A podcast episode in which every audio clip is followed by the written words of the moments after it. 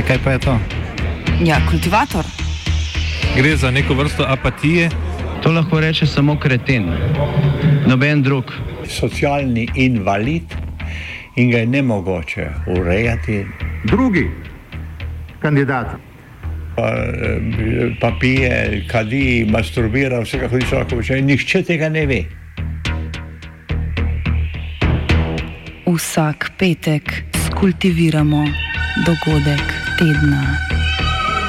Lahko po kriterijih radio študent, težko pa po evropskih kriterijih. Ampak na drug način, kot vi to mislite. Kultivator vedno užge. da pač nekdo sploh omenja probleme, ki so in da pravzaprav sploh nekdo sproži dogajanje uh, v družbi. To drži, drži.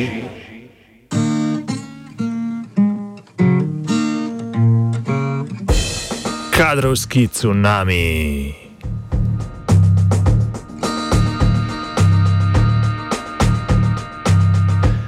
V začetku tedna je na pobudo dela opozicije, tistega dela, ki ne vključuje slovenske nacionalne stranke, potekala izredna seja državnega zbora, na kateri je tekla razprava o vladnem kadrovanju v državnih institucijah in gospodarskih družbah.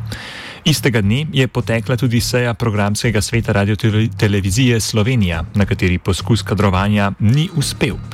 Direktor nacionalke Igor Kadunc se je za las oziroma za en glas izognil predčasni razrešitvi z položaja, za katerega mu mandat sicer poteče spomladi prihodnje leto.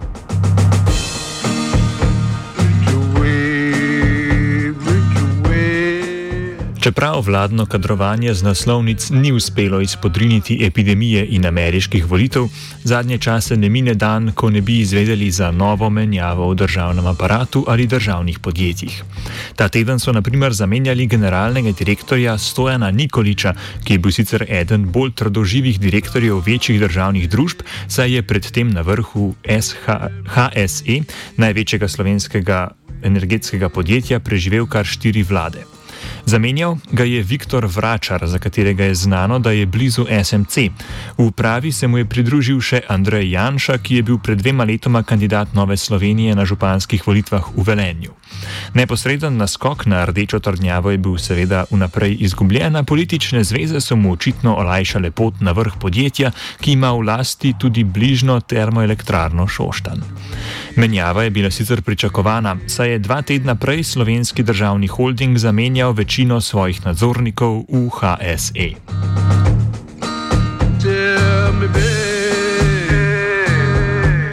Dan zatem se je menjava zgodila v še enem energetskem podjetju in sicer v Borzenu. V podjetju, ki je operater trga z električno energijo, je bil zamenjan direktor Karol Peter Peršolja. Ta je lani dobil nov mandat, pri čemer je že napovedal svoj odhod v letu 2021, ko naj bi ga nadomestila Valerija Štiblar. To se ni zgodilo, saj je Peršoljo predčasno zamenjal nekdani šef kabineta ministra Andreja Vizjaka v prvi Janševi vladi, na zadnje pa direktor regionalne razvoja razvojne agencije Posavje Martin Bratanič. Tudi to menjavo je napovedala Žirošada v nadzornem svetu.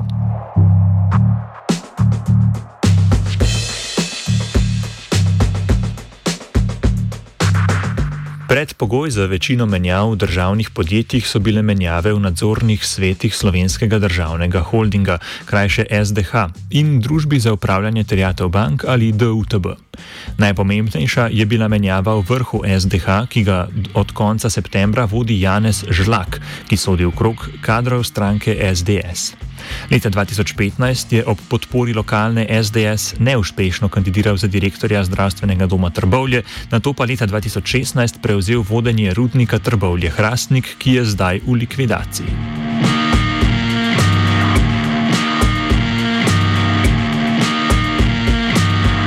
Predvsej več pozornosti od menjav v državnih podjetjih, ki veljajo skoraj za del rednega rituala ob menjavi politične opcije na oblasti, pa so na izredni seji državnega zbora posvečeni, uh, so, ha, posvečeni kadrovanju dobile menjave v državnih organih, predvsem v policiji. Več o seji pove poslanec socialnih demokratov Predrag Bakovič sam potek se je bil pričakovan in tudi odgovori na nek način ministra se pravzaprav ponavljajo iz seje v sejo, od, od interpelacije naprej so stvari podobne, tako da na očitke odgovarja v njegovem stilu, dočim Eh, pravi, pravih argumentov, ki smo jih pač na teh sejah vse eh, skozi dejali, pa ni želel slišati oziroma nekako tudi cela koalicija jih ni slišala, tako da jasno tudi te sklepe, ki so bili priporočila, ki so bile dana, niso bila sprijeta. Vlada je k malu po svojem nastopu zamenjala generalno direktorico policije Tatjano Bobnar. Menjava generalnega direktorja policije sicer sodi med tiste poteze, ki jih je sodna praksa v preteklosti spoznala za upravičene ob nastopu vlade.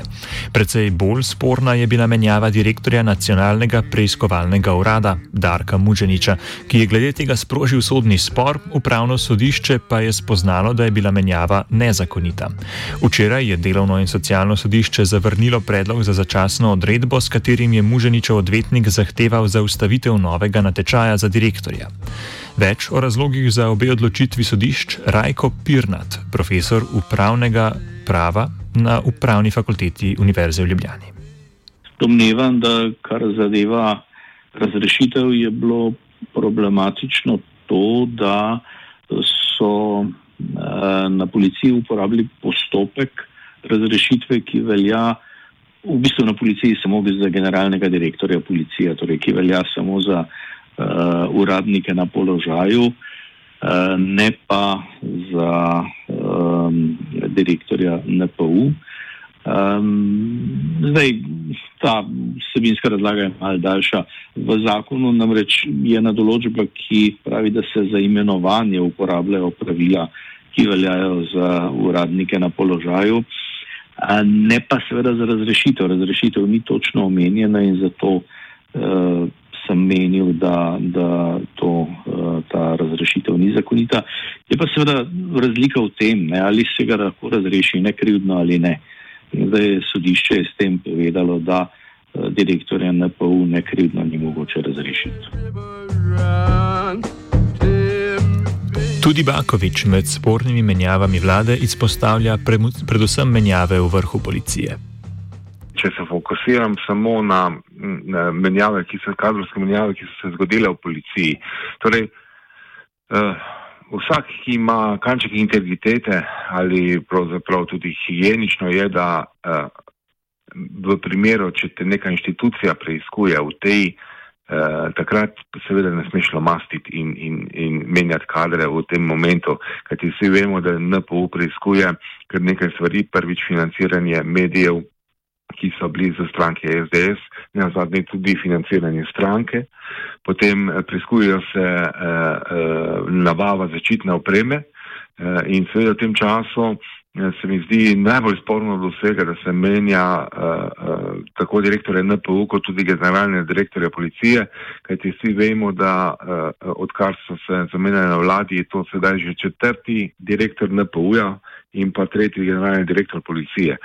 In če to gledamo kot na ustanovo, ki pač preiskuje določene stvari, o katerih sem prej govoril, pravzaprav je najmanj, kar lahko rečem, nehigienično, da se to naredi ravno v tem času. Notranji minister Aleš Hojs je v parlamentu povedal, da so bile poteze povsem upravičene, saj sodi kadrovanje po njegovem med osnovne privilegije oblasti. Torej vlada in seveda v njej koalicijski partnerji upravljajo svoje delo v skladu z zakonodajo, v skladu s koalicijsko pogodbo in seveda za realizacijo te koalicijske pogodbe je nujno, nujno da imaš na ustreznih mestih ustrezne kadre. Ne predstavljam si, da bi nek direktor podjetja lahko delal z nekom, s katerim ne more sodelovati, enako si ne predstavljam, da bi lahko minister svoje delo upravljal z ljudmi, s katerimi ne more sodelovati. Po Hojsovem mnenju je kadrovanje pač oblast.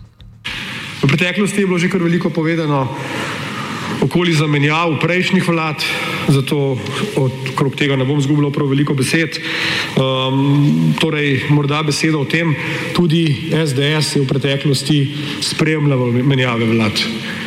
V času, ko je vlado vodil gospod Boro Pahor, je na rekel, spletne strani umestil tudi števec kadrovskih menjav. Torej, vse to smo spremljali, vse to je legitimno, enako kot delate zdaj vi. Nikoli pa seveda nismo zato sklicevali izrednih sej, kajti menjave kadrov so sestavni del vsega, kar počne katerakoli vlada. Vlada pa pri svojem kadrovanju vendarle ni povsem neomejena. Njene pristojnosti so odvisne od tega, o katerih položajih je govora. O tem, katere ljudi lahko vlada zamenja, pove Pirnat. Poglejte, nedvomno seveda vlada je upravičena zamenjati vse politične funkcionarje. Zdaj, politični funkcionarji so v bistvu eh, ministri sami uh, in državni sekretarji. Uh, dle ta krok političnih funkcionarjev pravzaprav ne seže. Um, potem drug krok so uh, tako imenovani uradniki na položaju. Zdaj, o tem je že nekaj ustavno-sodne prakse. Uh, pri uradnikih je največ treba uravnotežiti. Torej, to so te najvišji uradniški položaji, kjer je razumeti, mora biti neko zaupanje med ministrom in, uh, in tistim uh, uradnikom, ki ga zaseda. In zato je tudi ustavno sodišče odločilo, da v določenem uh, roku po, um, po imenovanju uh, novega ministra lahko ta brez krivde um, razreši uradnike na položaju, imajo uh, pa ti pravico do uh, neke odpravnine. Potem so pa seveda vsi drugi uradniki, ki pa so zavarovani pred razrešitvijo iz nekrivdnih razlogov in še posebej morajo biti pa zavarovani seveda tisti, ki morajo ravnati neodvisno. To pa so tisti, ki naprimer upravljajo pregon kaznjivih dejanj. Menjave v vrhu policije so tiste, proti katerim imajo kritiki in posamezniki, ki so bili razrešeni funkcij, najtrdnejše pravne argumente. Zlasti in v celoti pa so prepovedane tam, kjer gre za mesta, ki so posebej zaščitena zaradi potrebe po njihovi neodvisnosti. Uh, zdaj, seveda, to jasno velja za vse sodnike, ampak tam, tam se to razume samo po sebi, ampak velja tudi za, um, kot že rečeno, uh, tiste organe, ki morajo biti uh, posebej poudarjeno neodvisni od dnevne politike, od izvršilne veje oblasti. Uh, in jaz uh, sem prepričan, da so to tudi seveda um, organi, ki uh, zagotavljajo pregon kaznjivih dejanj. Zdaj, to velja zlasti za tožilstvo, seveda. Tožilstvo je po uh, ustavnem sistemu sicer del izvršilne veje oblasti, ampak izvršilna veja oblasti na nam ne sme vplivati. Dobro, potem je pa tu naslednja raven uh, tistih, ki so zadolženi za pregon kaznjivih dejanj, to pa uh, je policija in mislim, da tam mora biti uh, vlada še posebej zadržana pri, uh, pri hitrih menjavah in mora imeti seveda utemeljene razloge, da nekoga zamena. In tudi to je reklo sodišče.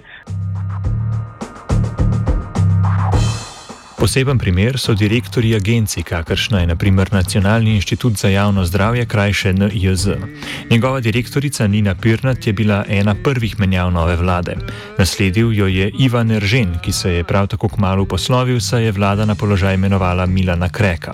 O imenovanju direktorjev Pirnat. Tu že evropsko pravo za večino teh agencij zahteva um, neko njihovo samostojnost in neodvisnost delovanja in zato tudi zagotavlja določeno varstvo tako imenega ključnega osebja, eh, to pa so uh, direktori in člani svetov pred menjavo in pred razrešitvijo. Uh, reorganizacija ni tak razlog, zaradi katere bi to ključno osebje bilo dopustno uh, zamenjati. Vlada seveda lahko do neke mere se odloča o reorganizaciji in to predlaga državnemu zboru, ampak pri tem ne sme posegati v samostojnost agencij. Um, In to se po moji oceni pravzaprav za to, um, za to uh, reorganizacijo, ki, se, ki je zdaj uh, predlagana z, z tem um, zakonom obsežnim, predlaga. In um, jaz sem temu zelo naklonjen, ker tako ali tako gremo v napačno smer, namesto da bi krepili uh, neodvisnost uh, regulacije, jo uh, zmanjšujemo. Mislim pa, da v vsaj nekaj primerjih pa gre za izredno kršitev določb različnih direktiv, uh, ki zagotavljajo varstvo uh, direktorja oziroma ključnega osebja uh, agencije pred razrešitvijo. Jaz mislim, da je dobro, da je, da je bivši direktor NPU šel na sodišče, celo če se na koncu bo i tako maknil. Uh, ampak mislim, da je dobro zato, da je pokazal, kako se ne sme delovati. Bi si pa želel, da se bori uh, za svoje pravice do konca. Kar se tiče menjav, ima vlada najdaljši domet pri uradnikih na položaju, ki jih lahko zamenja k malu po svojem nastopu. O tem, kdo spada v to kategorijo, pirnat. E, torej, uradniki na položaju so, um, so e, predstojniki organov v sestavi ministrstev, potem eh, generalni direktori v ministrstvih in um, generalni sekretar ministrstva. Potem so uradniki na položaju še uh, načelniki upravnih enot, uh, tajnik občine um, oziroma direktor občinske uprave, kako se to včasih imenuje. Menjav v agencijah se je vlada lotila tudi z njihovo reorganizacijo. Zakon, poimenovan po novih dveh agencijah, predvideva nastanek javne agencije za trg in potrošnike ter javne agencije za finančne trge. Druga naj bi vključevala dosedanje agencije za trg vrednostnih papirjev in za zavarovalni nadzor. Javna agencija za trg in potrošnike pa bi vsebovala šest agencij in sicer agencije za energijo, varstvo konkurence, komunikacijska omrežja in storitve varnost prometa, železniški promet in civilno letalstvo. Pri imenovanju članov novih svetov in uprav bi imela večjo vlogo vlada, kar predstavlja spremembo v primerjavi z dosedanjim delovanjem agencij. Z novo ureditvijo bi vlada postala zadolžena za imenovanje članov vodstva in sveta agencije za trg in potrošnike, pri novi agenciji za finančne trge pa bi vlada imenovala člane sveta in uprave na podlagi javnega natečaja. Po trenutni ureditvi imenuje mnoge člane vodstva in svetov teh osmih agencij državni zbor. Pirnat je do teh dveh zakonov kritičen. Medtem ko seveda, kolikor govorimo o javnih zavodih in javnih podjetjih, to so ločene pravne osebe. To ni uprava, ne, torej ti ljudje niso uradniki, so sicer v enem širšem pojmu javni službenci, ampak ne uradniki.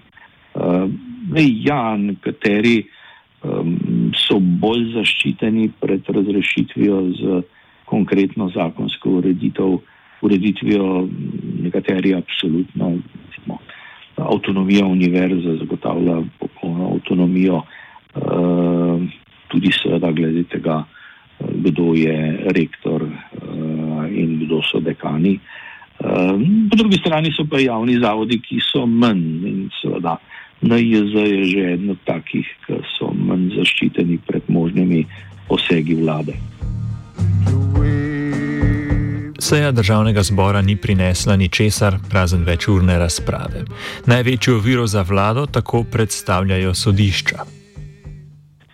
Sodna veja oblasti je ravno zato, da more biti nespore, um, rešuje, da omejuje um, morebitno eh, prekoračanje uh, zakonskih meja neodvisnosti, ker jaz ne trdim, seveda, tudi uh, neodvisne agencije delajo napake, lahko so samovoljne in tudi njih je treba omejiti, zato pa moramo imeti sodišča.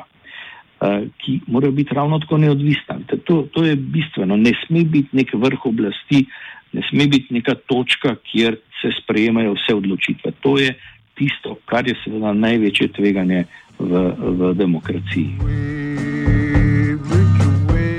Spor pred sodiščem pa lahko sproži le tisti, ki ima za tožbo interes, torej oseba, ki je bila odstavljena, saj je bila očkodovana z izgubo službe. Opozicija ni zmogla več od sklica izredne seje. Delitev oblasti je precej kompleksnejša od znane delitve na tri veje: zakonodajno, izvršno in sodno. A kot predsednik vlade dobro ve, so vsaj nekatere omejitve zgolj v glavi tistega, ki nosi krono.